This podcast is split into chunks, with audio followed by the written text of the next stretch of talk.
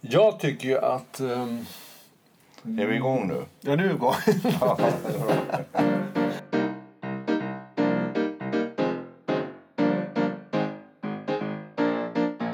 jag menar så här.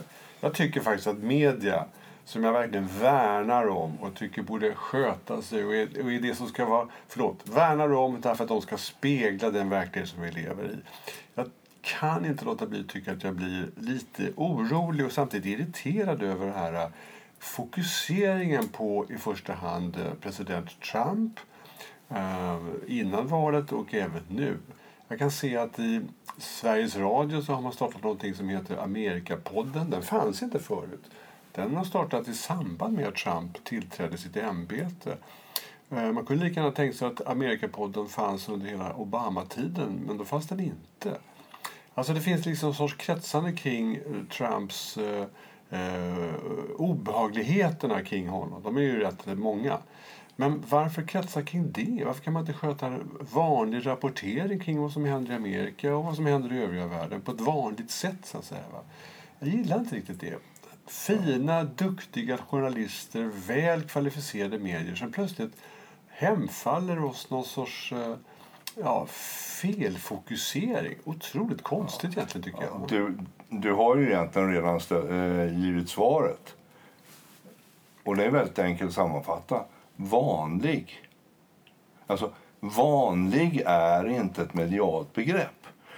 Det vanliga är ointressant, bland, ljusgrått, tråkigt. Eh, hur många filmer finns det som gjorda om någonting vanligt? Ja, det är väl Forrest Gump då. Men då gör man den vanliga så ovanlig så att hans karriär blir fantastisk genom att han är hypervanlig. Eh, jo, Trump... Jo, det är sant. Att det, men både du och jag vet tillräckligt mycket om media för att veta att en, en stor del av media och framförallt historiskt sett har media ägnat sig åt, åt mycket vanliga saker som man har vridit och vänt på och gjort nyheter av. Storsäljare, till exempel kvinnor handlar alltid om mascara och hur man blir vacker och nya klänningar. Det gör de år efter år efter år. Och sen så, och, och, och olika kändisar som har på sig de här klänningarna också det är inte så himla märkvärdig journalistik men det säljer och det skrivs och det är i alla fall en, en, en bred och, och, och ganska ska man säga, rimlig beskrivning av vad som finns och inte finns ifrån till människors jo, men, men även här är jag beredd att säga, säga emot dig. Va? Därför att det är det utrerade man visar. Det är ju inte det vanliga. Alltså okej, okay, man kanske har ett alibi-plagg från hennes Maurits med här och där. Men, men alltså, det man visar, det är ju haute couture eller lyxbrands på människor som är större än livet. Ja, det, är ju inga, det är ju inte tant Agda i, i Avesta som är eh, på Damernas Världs etta. Utan det är, ju, det är ju någon personlighet som har på sig något utrerat. Alltså, det... Men vi, i, i den gamla mediatiden så var året runt en storsäljare de var väl jävligt vanliga. Och, och tidningen Land är också en sån här, och för att inte tala om ICA-Kuriren. Jättetidningar, jätteupplagor. För världens godaste tårta, världens mäktigaste pannkaka. Alltså, även, även i den vanliga världen så måste man slå den med häpnad, som Gunnar Wedell ja, sa. Det är sant. Det måste man göra när man väl rubricerar och man väljer tårta eller klänning. Det är faktiskt sant. Jag håller med om det. Men ändå vill jag hävda att det finns en, eh, det finns en linje i journalistiken där vanligheter också blir, får, får ta plats på, på nyheterna. Och, och, att det finns ett ansvar också från media att göra så. Ja, det, absolut, det håller jag med om. Och dessutom så är det ju så att, att alltså, det är ju det vanliga som är verkligheten. Och det är ju det som är politikens kärna. Att ska säga, borra i hur blir verkligheten i nästa omgång för väljarkåren, för vanligt folk. så att säga. Ja. Och där ligger det ju ett stort ansvar på journalistiken att ta fram essensen i politiken och överföra den i begriplig form för, för oss, oss eh, läsare. så att säga. Och jag tror, jag tror att fascinationen för Trump är fascinationen för det onda. Jag är tillbaka där. Det är roligare att skriva om, om skurkar än om hjältar. Och vi gör gärna om skurkar till hjältar. Och vi försöker förstå skurkar därför att de är så annorlunda. Och, och den fascinationen låser oss. Det, det, och den låser även media. Det, det, det är något obehaglig djävuls eh, feedback loop här som gör att ju dummare tweetar Trump skriver, desto mer uppmärksamhet får han. Desto mer kär håller hans eh, följare honom och dess mer hur vad hemskt skriver eh, New York Times. Men det, men det, det är en undlig... eh, det är inte helt såklart varför den uppstår. Du har ju rätt i att det är så, men det är inte helt såklart. Därför man kan tänka så här. Journalister är väl som folk är mest. Och då, och då blir ju det hemska blir ju intressant på något sätt. Det är klart att det är så. Men om man då tänker sig så här att de gam, om man går ett steg längre tillbaka så säger man de här uh, sagorna och, och sådana saker som, som speglar det här obehagliga. Det finns ju där också. Det finns ju hela tiden sådana saker. Så är det ändå så att de, uh, många av dem har, uh, de, de slutar lyckligt eller de har en, en hjälte som i alla fall försöker. Alltså de är avrundade på något sätt. Va? Men det är klart som sjutton att man kan ana att i i, uh, i Bröderna Grimms eller Hans och Greta och Ridda Blåskägg allt vad de heter så finns det en lång rad hemskheter. Och, eh, och även i den gamla bibeln så är det ju så. Men de finns ändå i, i en atmosfär som på något sätt är avrundad. Eller också är det så att själva mediet i sig är så långsamt och annorlunda som gör att hemskheterna faller, faller in i någon sorts eh, kulturell, eh, ska man säga, kulturell eh, sammanhang. Och då, det, ur, det, kan man läsa att människans fascination för det onda, eller speglas i det onda, den är ska man säga, nästan mänsklig. Ja, man använder det onda som en kontrast från vilken man utvecklar det goda Ja. och sen så vinner det goda. Ja. Så, så är det ju. Men nu i världenihilismens tidevarv så vet vi ju inte längre om det finns något gott och vi vet framförallt inte om det finns något som heter vinna. Och, och vi, alltså vi ifrågasätter ju allting sånt. Och, och det gör ju det att nu, nu leker vi med det onda men vi ser inte framför oss något slut eller att det goda kommer att vinna. Utan vi tittar fascinerat på Trump och på Orban och på Sverigedemokraterna och så ser vi hur långt kan de driva det innan det kraschar. Och så tänker vi inte på att om det kraschar så ramlar vi ner vi också. Utan vi är precis som om vi är en privilegierad åskådargrupp som, som kan leka med verkligheten och, och klara oss vad som än händer. Det är ungefär som vänstertänkare eh, som tror att de skulle kunna få fortsätta att ha fri teater och tycka vad fan de vill om det verkligen blev en vänsterdiktatur. För det vet ju en var som har varit i Östeuropa att de första man låste in det var ju de fria journalisterna Ja, och, och konstnärerna. Så att, så att det där är... Du tror så. För jag, jag kan inte låta bli att jag lekt med en annan tanke. Är det så att, att media, alltså medias, eh, vad ska man säga, sätt att vara, mycket beroende på tekniken, att den är plötsligt har blivit ohanterbar för människan. Det går för alltså, fort. Ja, precis. Och för fort att bli för, ja, någonting sånt. Alltså om man tänker sig om, sagoböckerna, det var, det var tillräckligt bra tempo för då kunde man berätta om hemskheter och så kunde man slå igen sagboken och förklara för barnen hur det låg till egentligen. Och då blev det otäcka som man ändå, ja, som alla fascineras av där på kvällskanten eh, blev hanterbart och det blev just den här reliefen som man behövde för att förstå livet.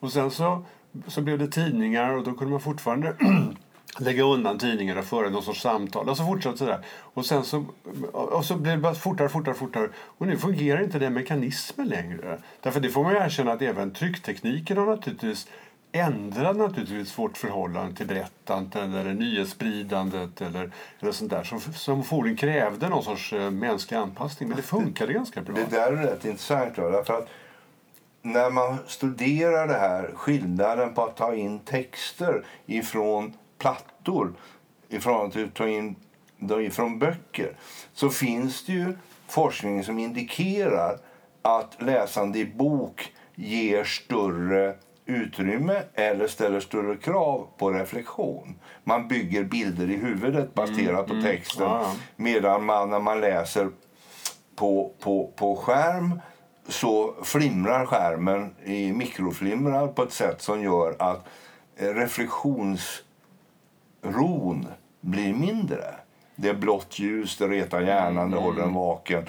Ja, jag är inte vetenskapsman på området, men, men det, det ligger ju någonting eh, inte bara i det att nyheterna ändrar, eh, ändras väldigt snabbt på skärmarna utan även i själva skärmmediet så, som, som är intressant att, att studera. Det är tydligen så att det är svårare att somna om man läser från ja, skärm än om man läser mm. från bok. Det. Eh, för det retar hjärnan starkare. så att säga. Ja, det kan ju ligga någonting där också. Men just hastigheten. Jag menar, Trump han får ju ur sig en två, tre tweet per dygn. Mm. Och det är klart att ska man då kommentera dem ja. i långsammare medier mm. Och så vi andra vi ska då läsa dem hysteriskt och ska tweeta dem vidare och så ska vi skriva en kommentar och, och så vidare. Det är klart att retningsnivån på, på, på våra hjärnor är ju högre. Mm. Ja, krångligt tycker jag. Om man, om man då tänker backar så är det klart som sjutton att Trump är ju inte den eh, enda. Om man, om man, alltså jag har reagerat på det när jag ser den här fascinationen kring Trump. Men om man backar till vår, e- till vår eget land och så tänker man på Sverigedemokraterna för ja, kanske tio år sedan, eller i alla fall åtta år sedan. Något sånt där, va? Alltså, eh, de kom in i riksdagen för åtta år sedan. Och då började liksom beskrivningen av Sverigedemokraterna i svensk media bli lite mer mm, omfattande. Och jag kan minnas att jag läste några, många gånger om Sverigedemokraterna och uh, man liksom dissekerade dem noggrant. Och det var mycket ondska och obehagligheter och en dålig historia och såna saker. Uh, och, och, och, samma, samma fokus som blev lite oproportionellt kan man väl ha sett här också kring vår, vår egen eh, vad ska man säga, ondskefulla politiska krets. Det där är ju eh, en sån här contradicto in adjecto. Vi ska tiga ihjäl dem. Mm. Genom att publicera tre helsidor i alla media ja. dygnet runt ja, i, i tio år. Jag menar, hallå, de har fått gratis PR för en miljard i månaden mm. i de senaste tio åren. Ja. Så det är klart det får genomslag. Alltså, blotta det faktum att vi inte ska hantera dem hanterar vi ju på spaltkilometer. Ja. Så, så, så, att där har vi faktiskt ett ansvar. Allihop, alltså pol, eh, de politiker som inte är SD och de journalister som inte är SD tillsammans med, eh, ska säga, och det, det, det, blir ju också en sån här djävulskarusell. Hur hanterar man det? Ska man tiga ihjäl dem? Ja, då måste ju alla tiga. Ja. Men media är ju konsekvensneutralt. Så media kan inte tiga, Nej. för då sviker de sitt journalistiska Visst. uppdrag. Så är det ju.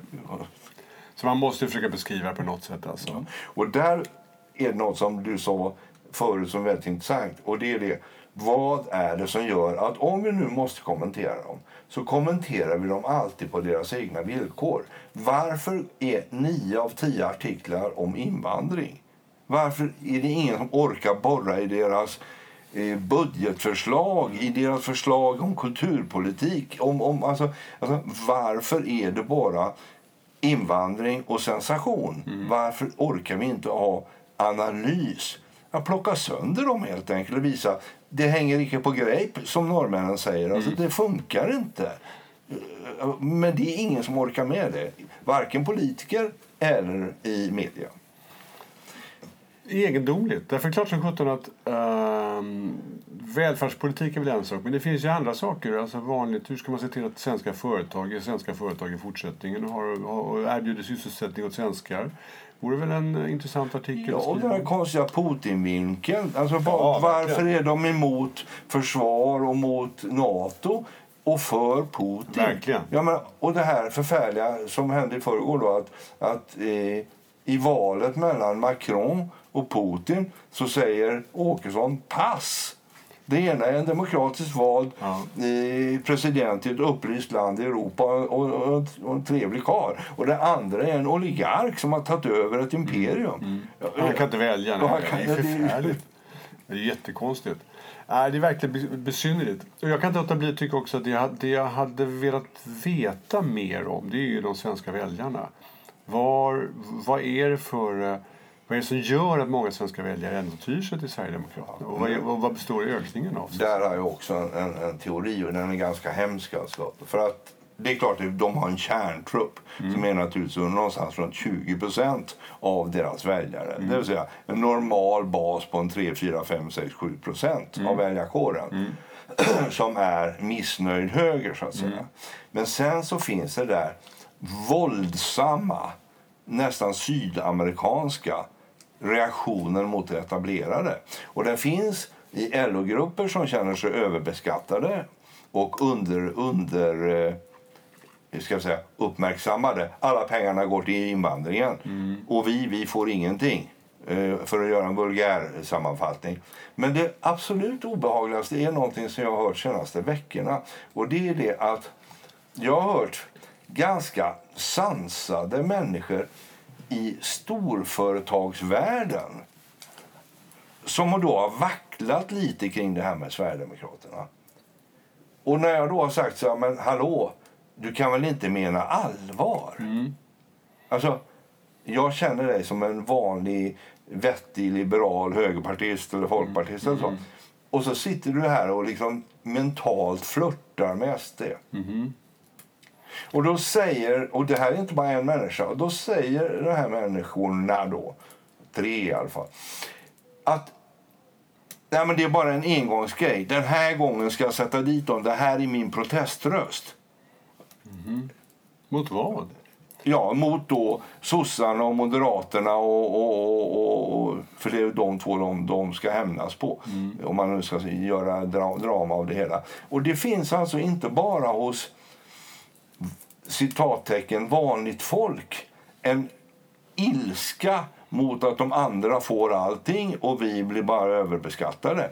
Utan det finns även alltså, hos en upplyst höger borgerlighet folk som är så förbannade på att Moderaterna lade ner försvaret och på att sossarna ska driva dem ur landet med skatterna att de är beredda att till och med rösta på Sverigedemokraterna bara för to make a point.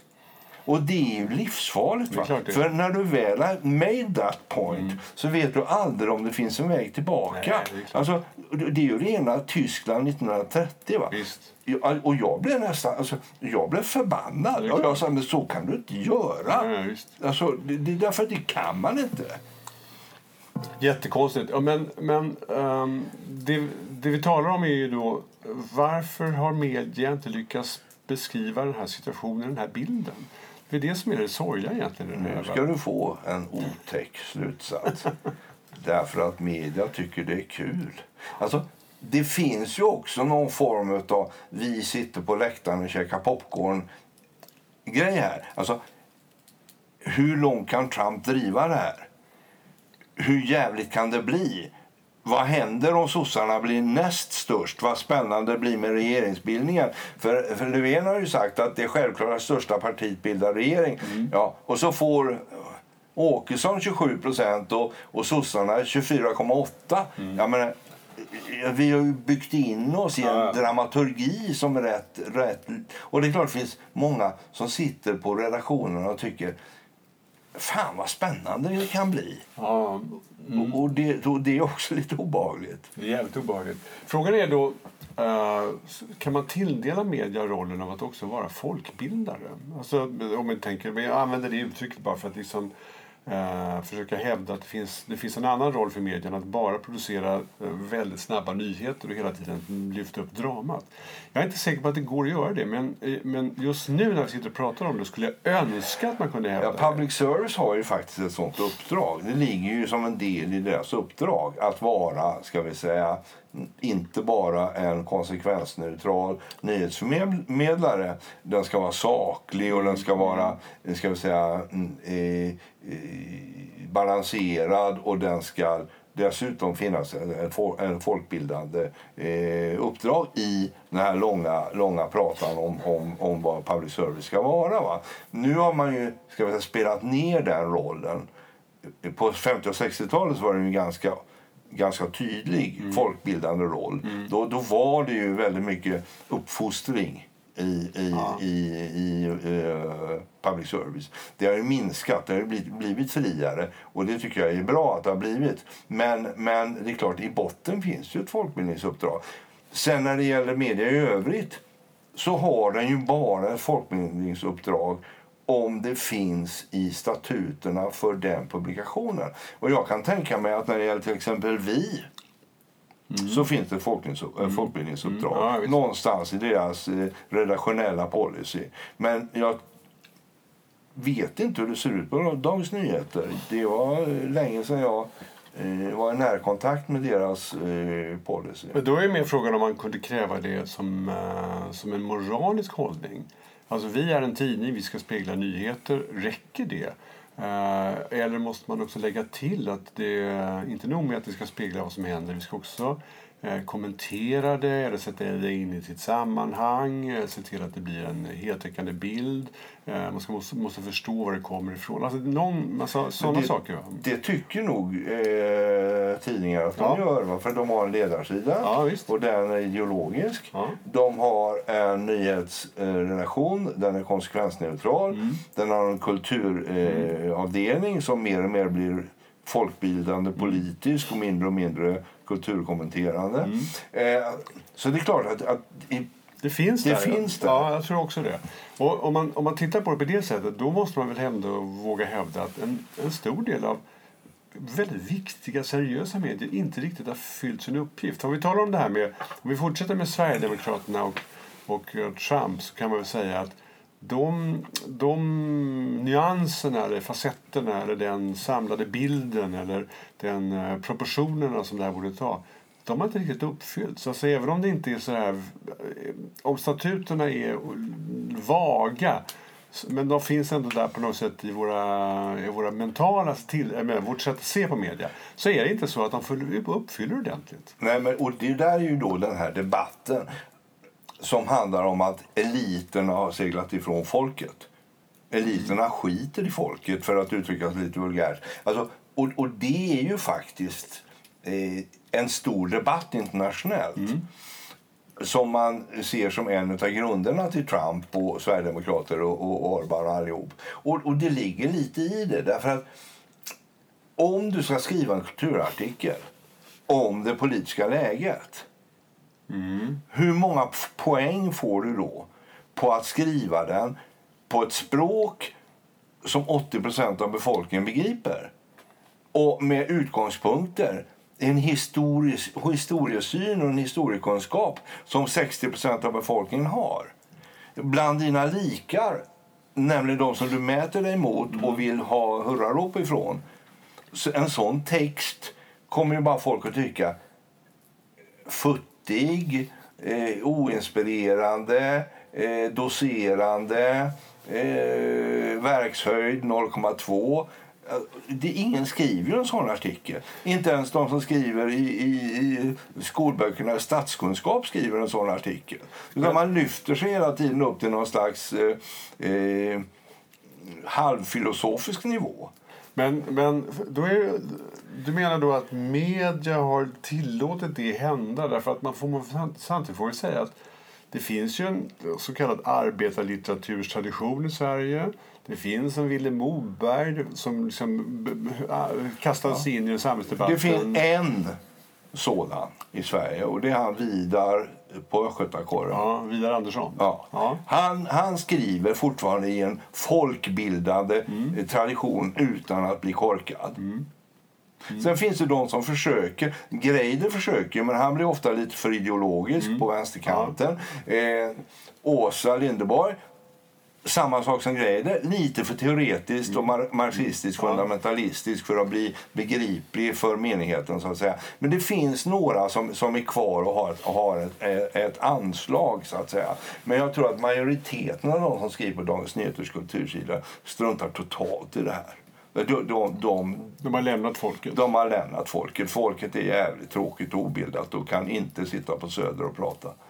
Om man nu ska vara vulgär igen.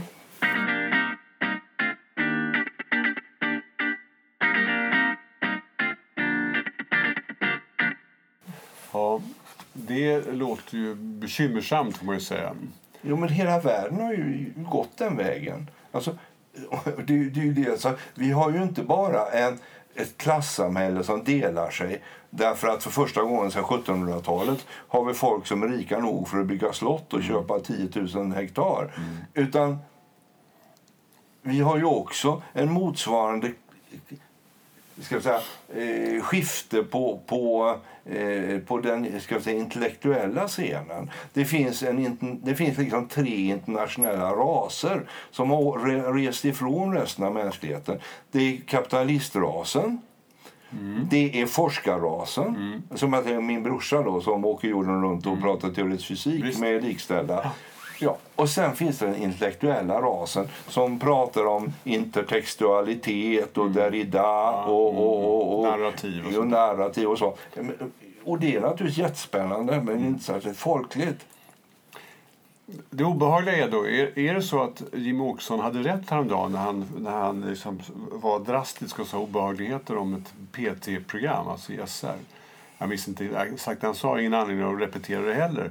Men det blev en upprörd storm i vanlig svensk media över hans tilltag att uh, kommentera någonting kring uh, kring eh, det här radioinslaget. Jag tror att just det uttalandet var att han blev förbannad ja, på det här ironi, ja, satiren de hade gjort över honom. Mm. Det var nog inte så övertänkt. Mm, däremot så tycker jag att det är väldigt, väldigt intressant att han säger det. Därför att det pekar ju på den risk som våra politiker har försatt oss ja, i. Ja, det här genom att public service ska finansieras över skatterna mm, istället för... Jag menar, tänk det som vi sa i något tidigare podd. Mm. Om de gjorde stiftelsen mm. som äger de här företagen fristående och gav dem halva Sveaskog eller någonting som gjorde att de var långsiktigt finansieringsbara mm. utanför politiken. Alltså vad mycket skönare det vore. För att det är ingen tvekan om att med skattepolitiken så kan eh, Jimmie Åkessons kulturminister fixa till ett polskt eller ungerskt situation. Och, och det, där tycker jag att både media och, och politiker har varit det är jättekonstigt. De borde, alltså blåögda helt ja, enkelt. Nej, det är verkligen sant. De, de, borde bli, de borde skaffa sig en position som är mer Svenska kyrkans på något sätt. Ja, ja. Alltså man, har, man, kan, man kan vara för sig själv på något lustigt ja. sätt. Och så får man se till att och jag tror att det vore bra även för public service som sådan. För att Cilla Wenke ska inte behöva rys, rusa ut i debatten och prata om Jimmie Åkesson som om han hade någon betydelse i nej, det här sammanhanget. Men um, om man då Alltså frågan är vad man gör. Om vi, om vi då tänker så att vi fick bestämma över det här, vad ska man då göra? Om vi anser att de, många av de stora medierna har vi konstaterat, de, inte, de fyller inte riktigt sin uppgift. Och vi kan till och med våga, våga oss på att säga att de har lämnat på något sätt um, att vara folkets röst. Alltså, Vill vi göra det här och vi är mediechefer, mm. då finns det en extremt enkel eh, åtgärd.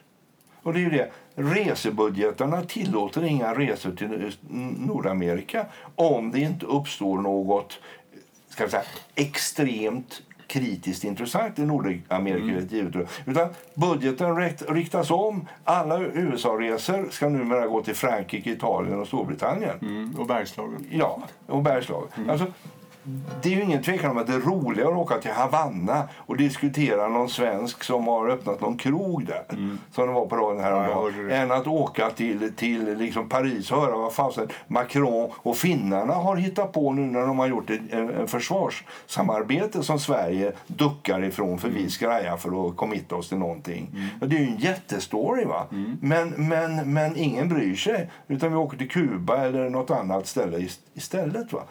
Och det... Jo, det är sant verkligen.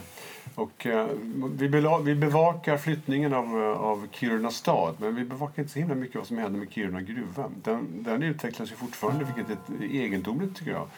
Uh, hur man lyckas få ut, fortfarande vara världens, i princip i alla fall Europas största järnmalmsfyndighet år efter år efter år. Och har Sveriges högsta medellöner dessutom i, ja. i stan. Det finns, det finns liksom bisarrerier som man lugnt skulle kunna dyka ner i. Ja. Långt ovanför Stockholm. Där är det ju också så att där, är ju, där har man ju en viss beröringsskräck. Va? Därför att ur socialdemokratisk synpunkt så är det ju ganska skrämmande att höginkomsttagare i deras, alltså en, en LO-arbetare i gruvan tjänar ju väl över de basbelopp som gör att han får 70 eh, av lönen i, i, pension. Han får möjligen 48% av mm, lönen i pension. Mm. Så den är ju en svårhanterlig grupp för sossarna. Jo, men jag menar, vanlig svensk media borde kunna vara där och beskriva situationen. Om inte, annat, om inte annat så liksom av ska man säga, industrihistoriska skäl. Menar, och det menar jag inte historiska utan menar att det, är ju intressant ändå med den här väldiga mm, exportströmmen som strömmar ut ur det där, det där gruvhålet. Jo, men det är ju samma som saker. skog. Ja, som, vi, diskuterar våran skog som om det vore en Ja, ja. trädgård. Eh, Men i själva verket så är det ju liksom en stor del av en nationalinkomst som växer där i, i, i skogarna. Mm. Ja. Och en stor del av vår potentiella diesel och, och, och sådär.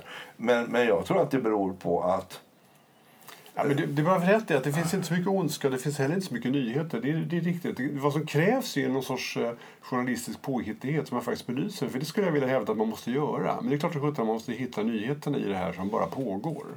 Men det, och det är också en fantasi en fantasifråga i relationsledningarna. Alltså, är det. vad finns det för spännande stories där ute? Mm. Vad ska vi leva på? Om, om, för, alltså, hela den här jordbruksdiskussionen som har dykt upp nu i torkans bakvatten. Mm. Den skulle kunna leda till att vi börjar diskutera långsiktig självförsörjningsgrad, eh, genmanipulering, Ja, ja. eh, handelsgödsel, energitillförsel. En annan sån grej som en av mina hang-ups som jag pratade om förut är det. Varför har vi ingen energiplan? Ja. De, de, har, de har ägt landet i fyra år nu, eh, den rödgröna regeringen. Och det enda vi har kommit fram till är att vi ska lägga ner eh, kärnkraften. Mm. Och plan B det är att ta kolkraft från Tyskland. Ja. Vi har redan nu, as we speak, Mm. så importerar vi. Alltså, det, det, I augusti ska Mm. inte Sverige importera för två reaktorer står. Men Nej, det är alltså, det, det är ju jättekonstigt. jättekonstigt. Ja, det är verkligen sant. Ja, media eh, borde spegla borde spegla saker till mer, mer brett, mer folkligt och, eh, och inte fokusera så mycket på vare sig Sverigedemokrater eller Trump.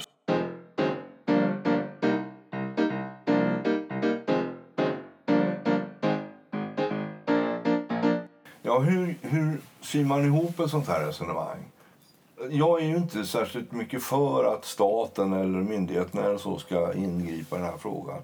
Däremot så är det väl så att om vi har en levande debatt om det här så kanske relationsledningarna runt om i de ledande medierna kan ta till sig att det ligger ett ansvar i att inte bara ta fram det mest spännande vulgära som Trump och Åkesson säger utan att ge uppdrag till journalisterna att också kvalificera kring det hela. Att ta det på allvar helt enkelt och bena i det och inte bara ta tweeten som den är utan dekonstruera tweeten eh, som man skulle kunna säga va? och förklara vad det egentligen innebär vilka hot och vilka möjligheter. För att, att det, det finns ingen konsekvensanalys riktigt.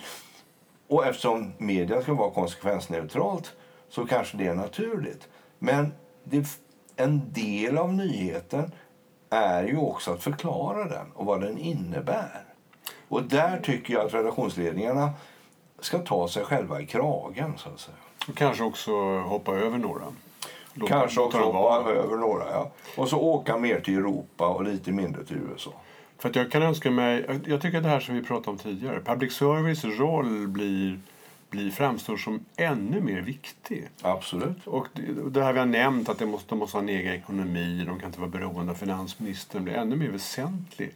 Men, men att det finns en, eh, en fristående eh, nyhetsorganisation som eh, har, har alla de här kraven som jag har nämnt i det här, eh, i det här pratet och eh, också uppfyller dem. Och tar, och också tar med sig det här sista som du nämnde, att redaktionsledningarna faktiskt tvingar sina reportrar att inte bara följa med i, i obehagligheten som strömmar ut från eh, Åkesson och Trump utan faktiskt har en bred och eh, konsekvensmässigt sätt att rapportera om det. Och, och strunta rätt mycket av det dessutom. Men om igen, alltså om, om, om privata media då, vi kan inte styra dem, men, och vi ska inte styra public service heller, men vi måste inrätta så att det finns liksom en, någon form som vi skulle kunna säga att det här måste, det finns, det finns övergripande grundläggande regler. Hade det varit 50-tal och innan eh, Svenska Akademins debacle Ja, då hade vi faktiskt trott att man kunde till, kunna tillsätta ett publicistiskt råd av kloka människor och en styrelse av kloka människor som administrerade för det gemensamma bästa ett public service som försörjdes utanför statsapparaten. Ja. Eh, Och jag är naiv nog att tro att det faktiskt skulle kunna gå. Trots Svenska Akademin. Trots Svenska Akademin.